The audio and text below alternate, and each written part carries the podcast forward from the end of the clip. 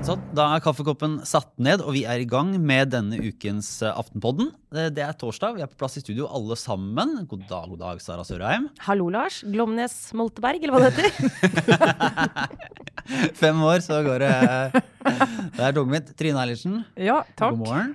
Jeg er glad i kun ett etternavn, det vet du. Ja. Så bare kjenn på det. Og Kjetil Bragli Alstheim. Hallo, hallo.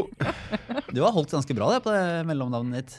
Ja, det er identitet, vet du. Ja, Men, men- det, er- men- det blir jo forkorta til en B-punktum, da. Ja. Ja, det gjør det, altså. Det, og det syns jeg er naturlig. Ja, jeg har et mellomnavn som jeg aldri bruker, uh, fordi av hensyn til egentlig offentligheten og også meg selv og Trine. Ja. Til uh, oppfordring. Ja. Skal vi la den ligge der? Ja, vi- det, det er omtrent der. Før vi, vi skal snakke om, uh, om eh, altså trusselsaken mot eh, Vara. Og vi skal snakke om Høyres eh, programforslag og litt eh, Bergen kan det fort bli. Men skal vi starte med en ørliten sånn eh, beklagelse? Eller? Vi, vi, vi fikk litt fylleangst, hvis det er lov å si, etter eh, forrige utgave. Jeg tror jeg Det er bare på sin plass å si at uh, den litt flåsete tilnærmingen til den grottefesten, den kjente jeg satt i magen. Uh, vi hadde en liten utveksling etter at vi gjorde opptaket forrige uke, fordi ute på ettermiddagen da, så kom det jo noen nyheter som var eh, ordentlig fæle, om at uh, noen av de som ble dårlige på den grottefesten, faktisk er alvorlig syke. Og da hadde vi noen uh, utvekslinger uh, i, i chatgruppa vår, Trine. Ja, og så var det litt sånn Skal vi legge ut disclaimer, hva skal vi gjøre? Men vi, så er jo livet litt sånn når du lager sånne sendinger, at dette ble laget før den nyheten kom. Men at vi selvfølgelig får angst når vi hører at folk er blitt alvorlig syke. Men at du ville gått på den festen, det endrer jo ikke det, Sara.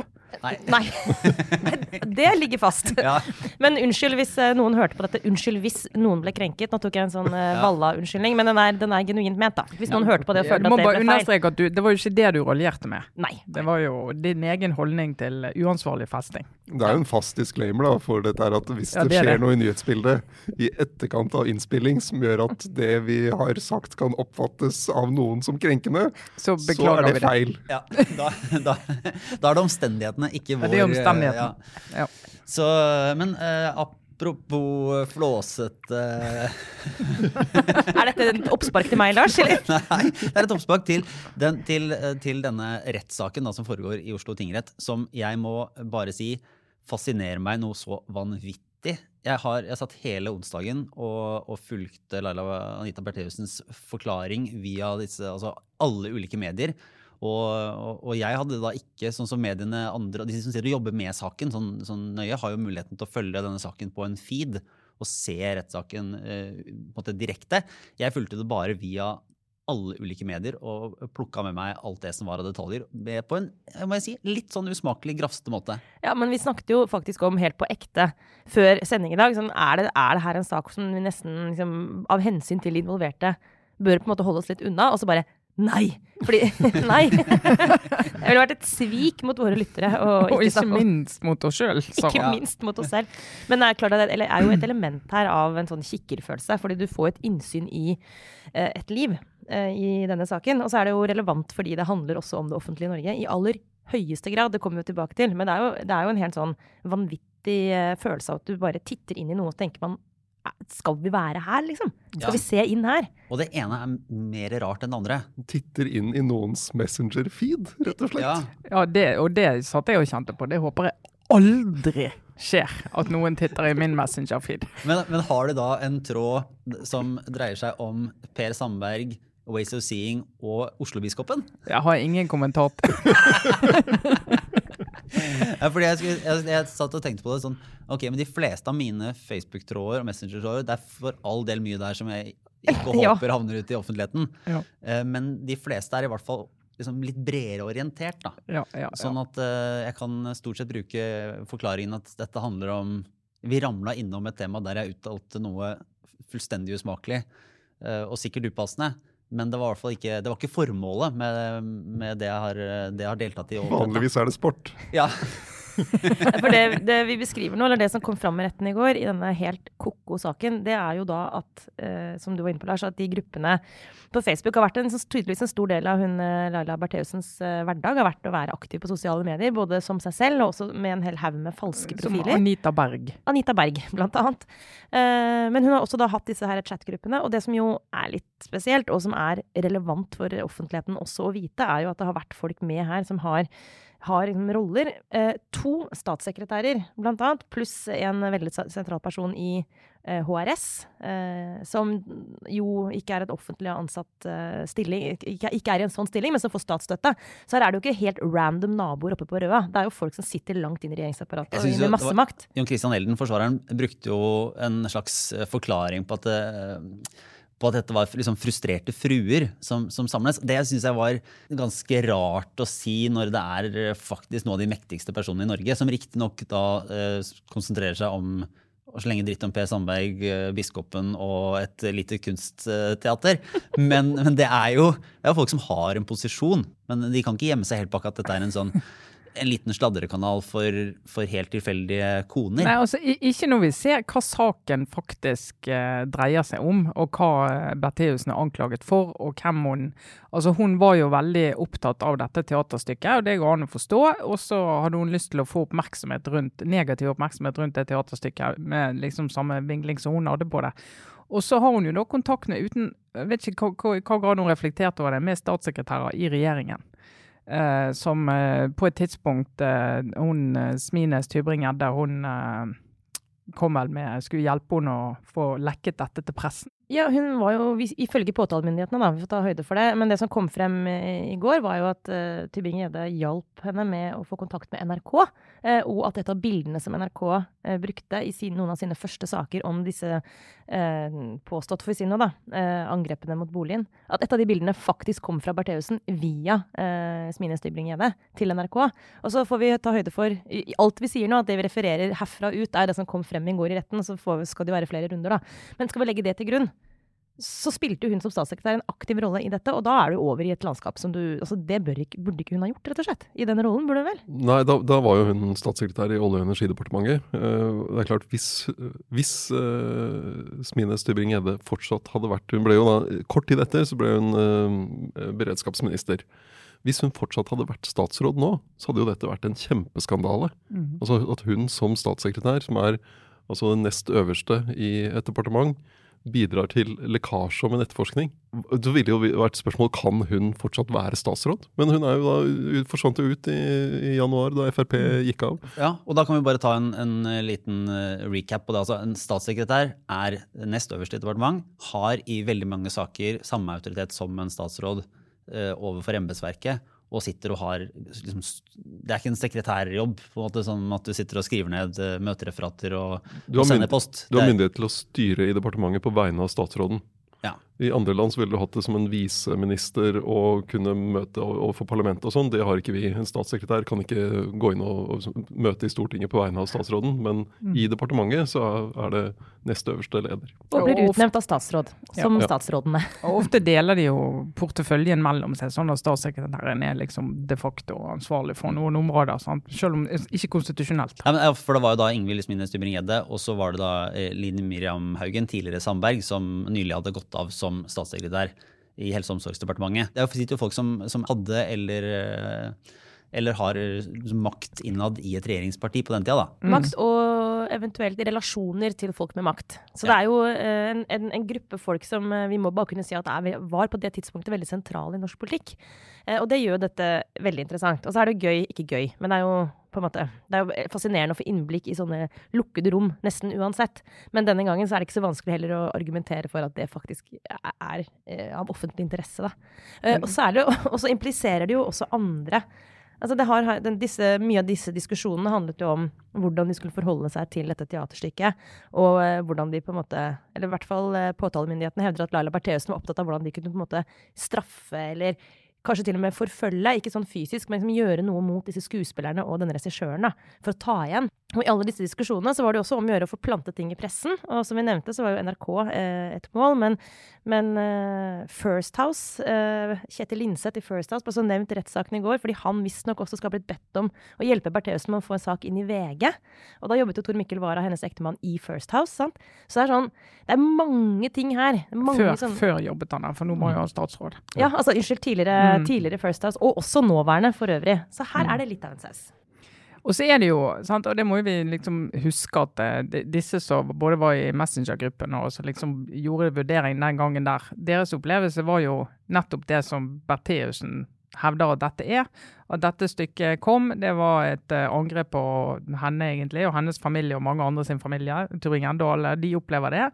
Og så har de en sånn fellesskap rundt det. Og det kan du jo, når, du, når de tror at verden er sånn som Bertheussen legger det frem, og at i tillegg dette stykket gjør at det kommer angrep på hjemmet til Bertheussen og trusler mot uh, Tybring-Gjedde og alt som er, uh, så, så, så er det ikke rart at de har en kontakt om det, sånn, sånn rent menneskelig.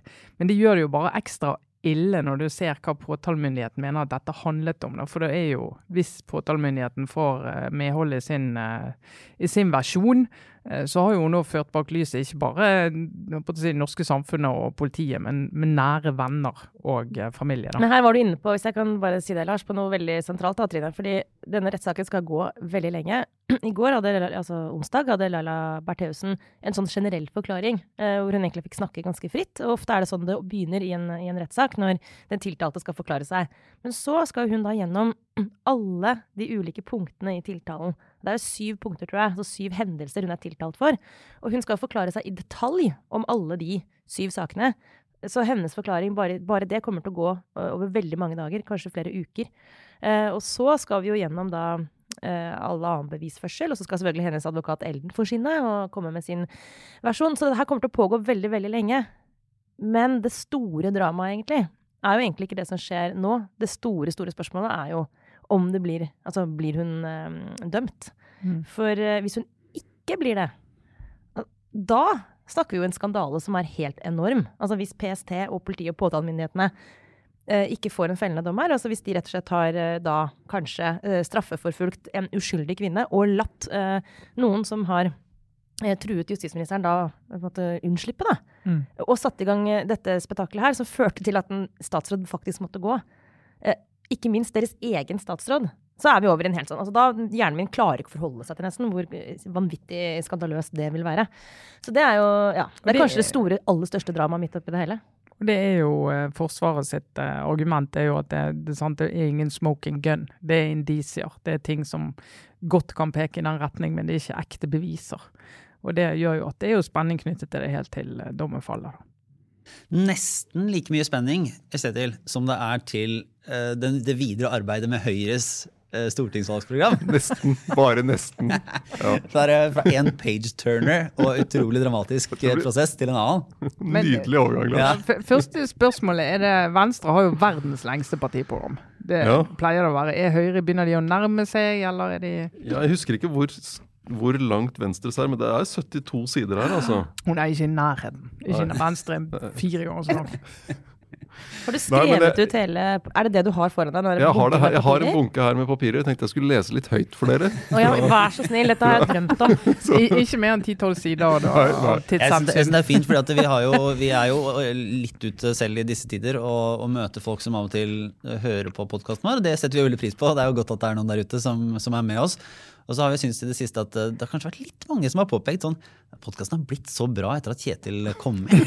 Eh, Jeg er veldig glad for at du sier det, Lars. Vi er jo fortsatt inne på prøve, egentlig. ja. Ja, ja, Prøvetiden her varer veldig mye mer enn seks måneder også. Ja. Ja. Men det har vært sånn, vært, jeg vil si nesten påfallende mye sånn Dette er så bra at dere fikk med, med Kjetil. Så nå, nå måtte gi gir vi en nok taut å henge seg. Ja. Og Les så lenge du føler det er greit, du, Kjetil. Takk skal du ha. Jo, dette programmet dette skal da også hete som sist Vi tror på Norge. Og jeg skal lese her fra innledningen noen utvalgte setninger. Verden og Norge er i endring. Oi! Mm. Vi går inn i en tid der vi kommer til å jobbe annerledes, bo annerledes og leve livene våre på nye måter. Ja. En annen setning her. Jobber er avgjørende for et godt samfunn. Ja. Himmel og Har hav. du tenkt på det? Arbeid skaper utvikling. i bygd og by. Oi, Veldig flott. Ja. Er det i kursiv? Det var, jeg, det var, jeg bare la til litt. Ja. Litt følelse. Ja. Vi vil legge til rette for trygghet og forutsigbarhet for næringslivet. Det er jo Det- det- viktig for Høyre. Ja, det er viktig. Norge trenger, hva tror dere? Flere ben å Stå på. Mm, ja. ja, ja. Riktig. Når kommer det grønne skiftet? Uh, det kommer på noen sider senere, tror jeg. Ok. Skal vi bygge fremtidens Norge, trenger vi Arbeidskraft. Nei. Solenergi. Nei. Kom kompetanse? Ja, kunnskap. vi bygger landet Steg for steg? Stein på Stein stein. stein? Unnskyld meg. Og vi, og vi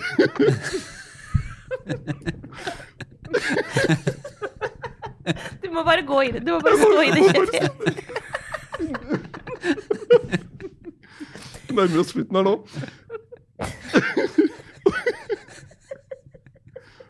Og, vi, og vi tror at den beste tiden ligger For, foran oss. Ja!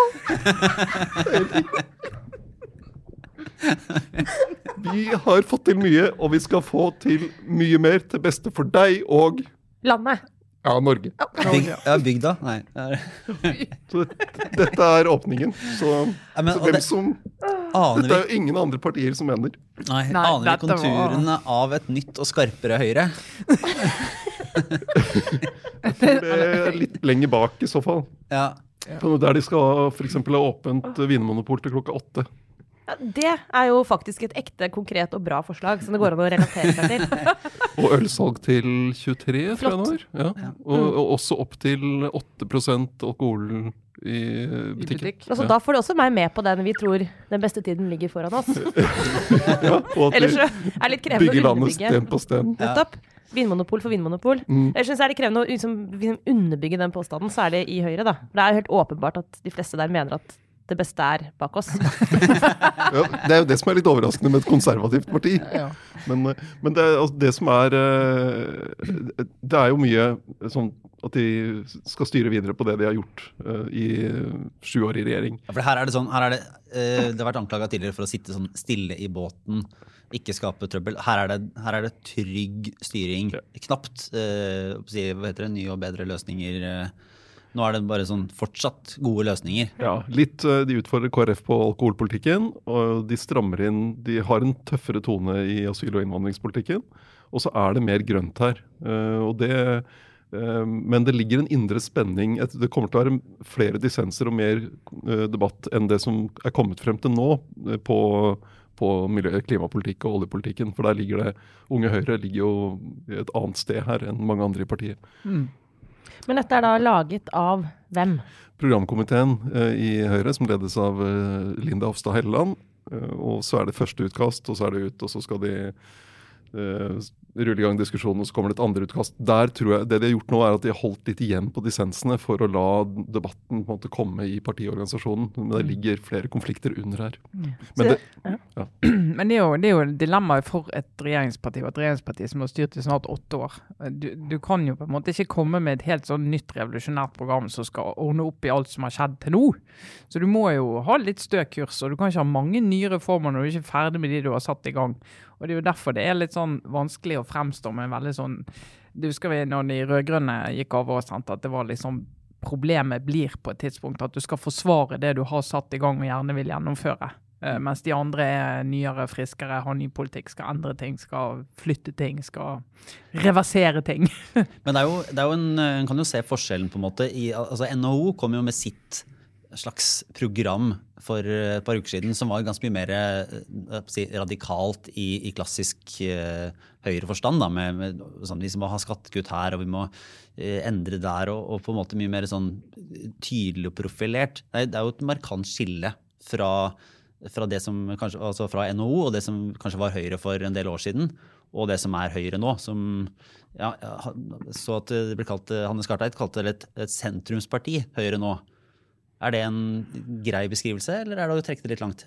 Nei, det, det, er jo er jo Du har jo ingen av de klassiske altså borgerlig side eh, forslagene om å kutte i velferden eller stramme inn. Altså De går en stor sirkel eh, utenom sykelønnsordningen, bort fra å si noe om å, om å justere sånn at eh, arbeidsgivere får større insentiv til å hente inn langtidssykmeldte. Sånn at de, Det er jo ingen, ingen kraftige kutt her. De har det der forsiktige ostehøvelkuttet for alle AB-reformen. Ellers er det jo ikke noe, noe de, de, skal ikke skjære ned på noe. De skal jo fortsatt, Selv om det ikke er store reformer, så skal de jo fortsatt bedre altså helsetilbud og velferd ellers.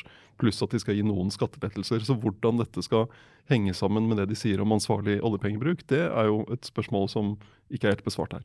Hvis, eh, hvis man ser for seg at høyrefolk står med dette som utgangspunkt da, på stand i valgkampen eh, neste år, og skal trekke fram noe fra det programmet i det hele tatt som de, som de går til velgerne og sier dette er liksom første eh, setning. Det er, det er, det her vi skal gjøre, eller det er det her du får.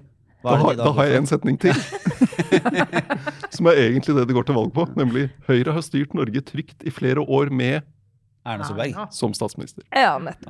Ja. Det, er, det er hovedsaken. Det er hovedsaken. Jeg får akkurat å spørre, Er dette politikk, det som kommer frem her? altså Som i klassisk forstand, altså type ideologisk basert meningsutveksling? Eller er det rett og slett bare et styringsdokument? Eh, det, er jo eh, Ja, er, det ikke svaret ja på det? Altså det å ha, Jeg tenker jo at det siste året, eller dette året har jo vist at det å kunne styre et land på relativt kompetent vis er ganske verdifullt. Når det, det rammes av en pandemi, f.eks. Så, så, det har jo, så det å ha vist at du kan styre, er jo en god ting å gå på valg på. Ja. til valg på. Så, så spørsmålet blir neste år hva er det velgerne, hvilke forventninger har velgerne da? Venter de at de nå skal få noe mer? At det skal bli bedre på et eller annet vis? Eller venter de bare at eh, noen må passe på at det er trygt og greit i dette landet? Mm. Hvis vi skal tenke tilbake til, eh, til 2013, så var jo situasjonen noe av det samme for Jens Stoltenberg. Og Hvis ikke jeg husker helt feil, så var det jo også mye Jens Stoltenberg som var valgkampen til Arbeiderpartiet. Uh, og på en måte fokus på han som en dyktig statsminister. Og var jo sett på, altså hadde relativt stor personlig popularitet. Mm. Men det holdt jo ikke da. Er det noen sånne tydelige, markante forskjeller som nå taler enten i Erna Solbergs favør eller disfavør?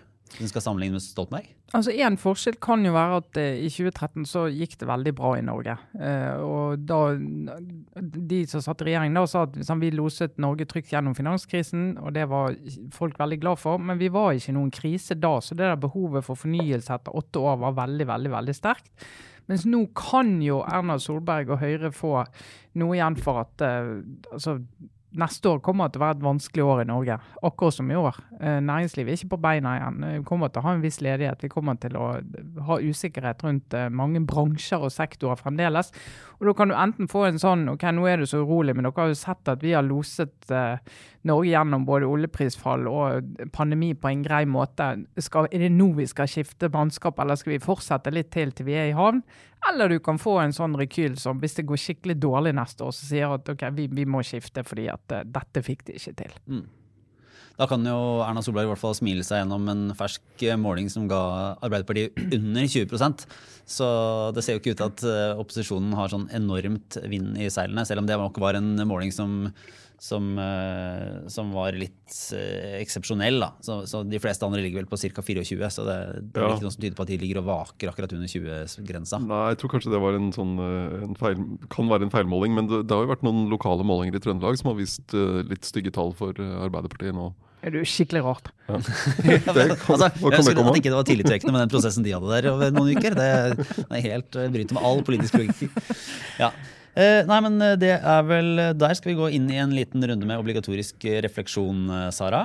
Ja, altså selv om dette nå er noen dager gammelt, i dette galopperende nyhetsbildet vi lever i, hvor ting eh, blir kasta på deg hele tida, så skal jeg likevel trekke frem den farsotten av en video som gikk på Facebook og rundt omkring for noen dager siden, som jo er så fantastisk. Og jeg snakker selvfølgelig om hun Sofie Linde.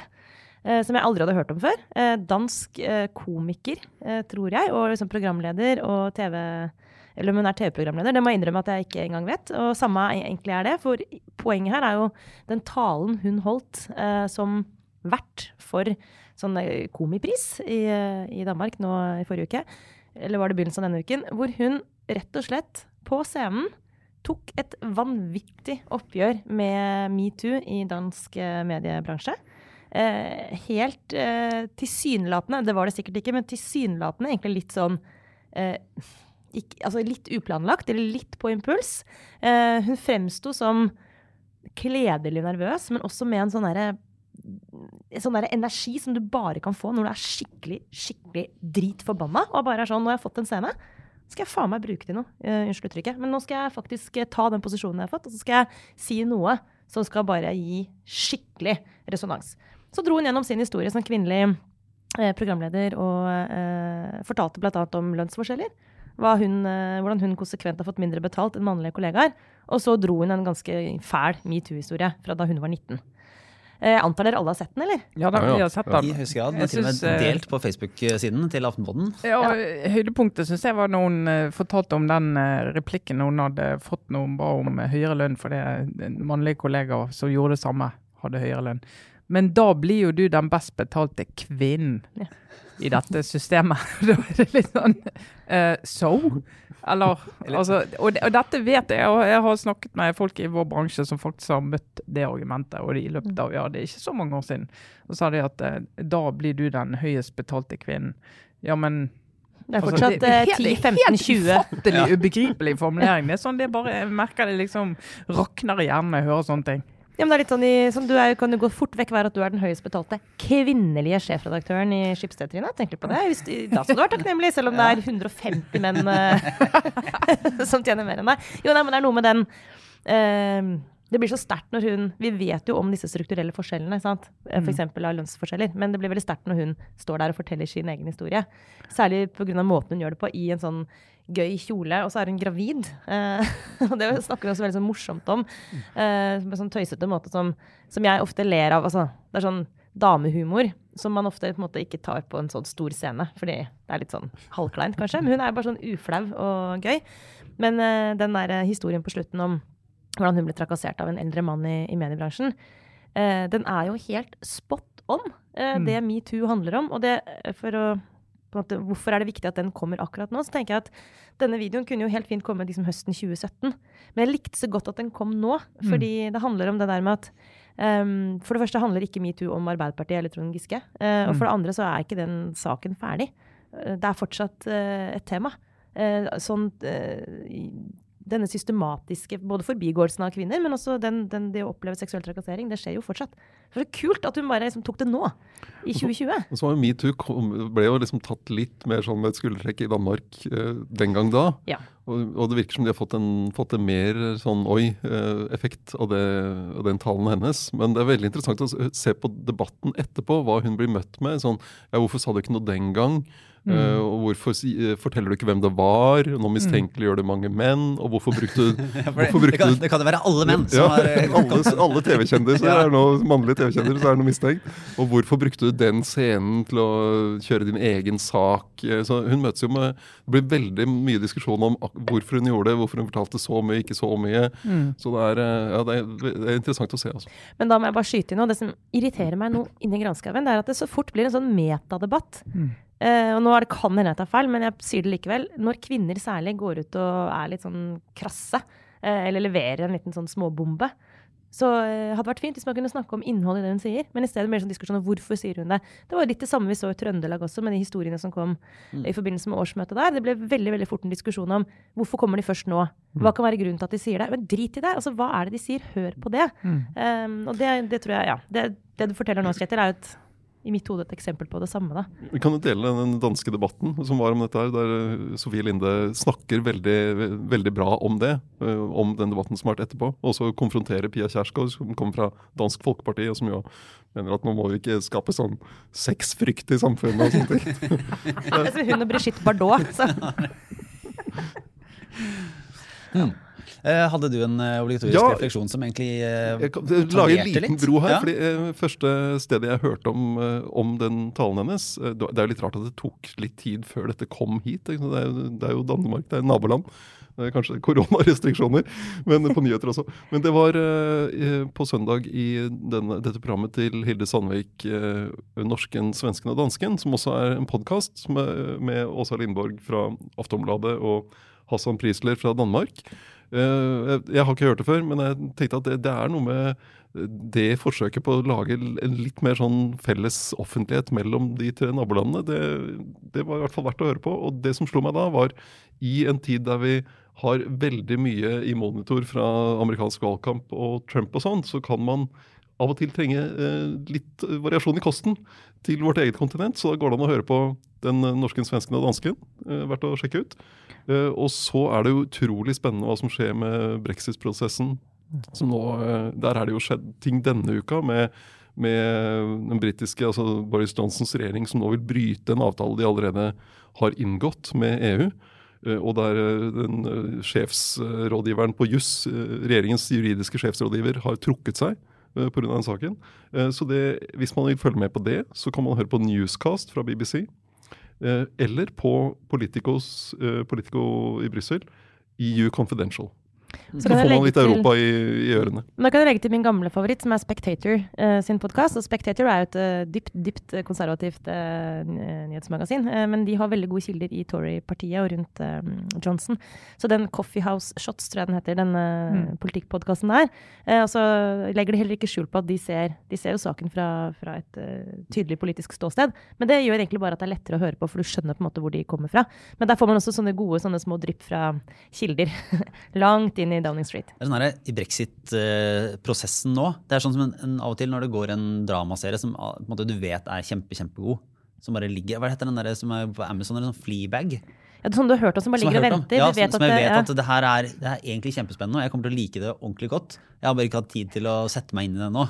Og, og så spørs det om det går an å hente inn der, Du kan ikke starte på episode én i brexit eh, brexit og korona eh, Boris Johnson-show og, og få med deg hele greia. Jeg, bare, altså, jeg jobber med meg selv på å finne overskuddet til å gå inn og få liksom få en krok og henge meg fast i det som skjer der. For det er så enormt mye hver uke som jo er superdramatisk og ganske sånn bisarro eh, ting der også.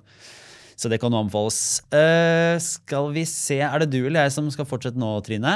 Nei, jeg kan godt, eh, jeg kan godt eh, bare ta en eh, liten en som var en tankevekker. Vi satt et par eh, og snakket om det i går. Damer på min alder. Og Så- så- frustrer, frustrerte fruer, eller? Frustrerte fruer. Ja, det kan du si. Hadde en liten chat. Og, Nei, vet du, det her var en litt sånn eh, eh, selvransakelse. Fordi vi snakket om uh, en del av disse her diskusjonene om hva, hva er nå lov å si på universitetene, og denne saken om uh, tyskervitsen i Bergen. Og så liksom hvordan mange av oss automatisk da tenker at nå er woke-kulturen på vei til Norge. Nå, nå, nå, nå er ikke lov å si noe. Nå er alle studentene superlett krenket, og det er ikke som i vår tid. Og herregud, hva i fanden må skje? På grunnlag av et par saker. To-tre saker, kanskje. Og så eh, var det jo da noen eh, ungdommer som eh, skrev i Aftenposten denne uken her. Lara Rashid og eh, Andreas Trohjell fra Oslo Met de studerer journalistikk. Og de, og, de sier, og de sier nettopp det. Påpeker det og sier men det er ikke sånn at eh, det er ikke lov å si noe, at vi er mer lett krenket enn før. Og liksom bare setter dette i perspektiv, da. Og da satt vi og snakket om, ja, da kjente vi litt på det. Vet du hva, Det trengte vi at de sa. fordi vi var i full fart på vei inn i en sånn der eh, godt voksen Herregud, sånn var ikke det når vi studerte. sant? Ja. Mens de liksom Hallo, det er jo dere som konkluderer her på veldig spinkelt grunnlag. Og det, det Jeg tar det til meg. Hvordan har du det ellers med Bergen for tiden, Trine? Kan Nei, jeg det vet du, jeg hadde lyst til å snakke om det, og så kjente jeg at eh, det, det, det vokste en vond klump inni meg. For jeg har Ja. lest en tittel denne uken der også helsedirektøren står og sier at uh, du skal ha en god grunn til å reise til Bergen i disse dager. Det er det styggeste overskriften jeg har sett noen gang. Og jeg vet jo godt hvorfor han sier det, men jeg mener at det, det går ikke an å si sånt. Men, men har, har du nå bedt noen i redaksjonen lage saken 'Ti gode grunner for å dra til Bergen'? Jeg vet jo, 100 gode grunner. 100 gode grunner. Ah, men da kan jo jeg fortsette for min lille det er, Jeg har en obligatorisk refleksjon som på en måte er et spørsmål Eller det er en utrolig fascinerende rar historie. Fordi Bergen er jo på mange måter en ordentlig by. Altså Den er jo Norges nest største. Det bor mange, mange mennesker der. På mange måter en Ja. ordentlig by. Det later som at det er en, en eh, velfungerende, et velfungerende samfunn. Altså Kjempefint. Til å være en sånn tulleby, så går det jo ordentlig bra der. Ja, eller- men De har jo av og til gater og så trikk Ja, ikke sant? De har alle de tingene som en by skal ha. Og så har de noen sånne utrolig rare greier i den bergenspolitikken som bare fortsetter og fortsetter å rulle videre. De, de har f.eks. politikere som Altså, Vanligvis så melder folk seg inn i et parti og så blir de i det partiet. Og så får de lov til å være i det partiet, og så jobber man sammen om et eller annet. I Bergen så virker det som man melder seg inn i et parti, og så krangler man mer med de som er innad i partiet sitt, enn de som er på utsida. Så de klarer jo ikke å ha eh, byråd eller ting som henger sammen, og de klarer heller ikke å ha partier som henger sammen. Og nå er det jo da Det er jo en gjenganger, Ja, men en ny omdreining Ja. ja. i den såpeoperaen som er Bergen Frp og bystyregruppa der. Og jeg, jeg kan ikke alt mulig rart, og en kan lese Morten Myksvolds eh, kommentar i Bergens Tidende for å få helheten. Men det har da eh, i hvert fall skjedd at to av tre medlemmer i bystyregruppa nå er ekskludert fra partiet, ser det ut til. Og så var det en liten passasje som Myksvold skriver om her, som er altså eh, Vi må skru tida litt tilbake. Da Marte Monstad, da, som er gruppeleder, og fortsatt Frp-er. Jøss. For hun vant nemlig tittelen som gruppeleder i en bitter og dyrkjøpt kamp mot Thor Voldseth i september i fjor. Og Thor Voldseth er nå da ekskludert. I en ren votering ville hun tapt med én stemme mot to. Flesland og Voldseth, de som to er ekskludert, stemte på Voldseth. To mot én. Men så dro det seg til. Kristoffer Thomsen er samboeren til Monstad, men var også leder i Bergen Frp på dette tidspunktet. Han sørget for at vararepresentantene til bystyret ikke fikk stemme på møtet, for det ville gitt Voldseth seieren, og brukte derimot sin egen stemme som lokallagsleder i Monstads favør. Altså samboerens favør. Ja. Så han, han, med hans dobbeltstemme, eller, eller hans Eller stemme? dobbelt, ja, hans, ja. Også, han, også, også, de, da ble det 2-2, og så var det loddtrekning, og så vant hun. Jeg tenker at her er det også en messengergruppe vi burde få innsyn i. ja, det er, ja. Er, altså, det det er mange detaljer og ting jeg sikkert ikke har fått med meg her. Og, og eh, med forbehold om at alt dette stemmer som det skal. Men det, bare, det, det går jo ikke an å holde på sånn, gjør det det? Nei, det gjør ikke det. Og så sier jeg som jeg alltid sier når eh, Bergen trekkes frem som, en, eh, som et spesielt sted, at de har jo ordentlig dekning av det som skjer langt inne i de partiene. eh, Fra to redaksjoner, minst. Så da vil du jo få vite mer. Jeg tror det er mange kommuner som har like eh, ko-ko eh, strukturer som de gjør.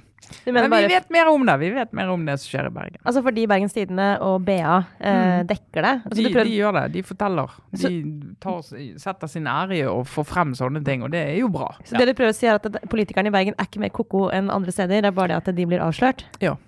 Det er både Eller det er egentlig ganske skremmende å tenke på. Det, bry, det bryter litt med vår sånn ellers store tiltro og respekt for norske politikere. Men jeg, bare som en lite apropos da, så vil jeg gi en, en, eh, en liten sånn, litt heder til eh, da nye eh, Nidaros i Trondheim. Og, og Snorre Valen, da, kanskje særlig for, for eh, å, dele av den trønderdebatt. Men den dynamikken som nå kanskje oppstår i Trondheim, der Adresseavisa, som er veldig, veldig dyktige, eh, nok uansett har gått av et miljø der det er to aviser som forhåpentligvis fokuserer på eh, politikken i Trøndelag og Trondheim. Vi I tillegg til. Trønderavisa. Eh, som som kan gi, gi noen knepp til da, for å få vist fram noe av den galskapen og ukulturen som alle tilsynelatende har visst om i, i 25 år. ja, ja. Nei, men eh, det var vel det for denne uka, tenker jeg. Og så følger vi jo da eh, saken i Oslo tingrett. Ikke hver uke, men den kommer til å fortsette i ni uker til. Så vi kommer definitivt tilbake eh, med den og, og ser på, både politiske konsekvenser etter hvert. Og så er det ellers podkast neste uke som vanlig. Det var Aftenpodden. Tusen takk. Ha det bra. Har du hørt på podkasten Forklart? Jeg er programleder der, og hver hverdag så lager vi en episode om en nyhetssak. Denne uka har vi f.eks. en episode om koronaprotestene i Europa, om hva en tredje boligsektor er for noe, og så en om rettssaken mot Laila Bertheussen. Finn Forklart der du hører podkaster.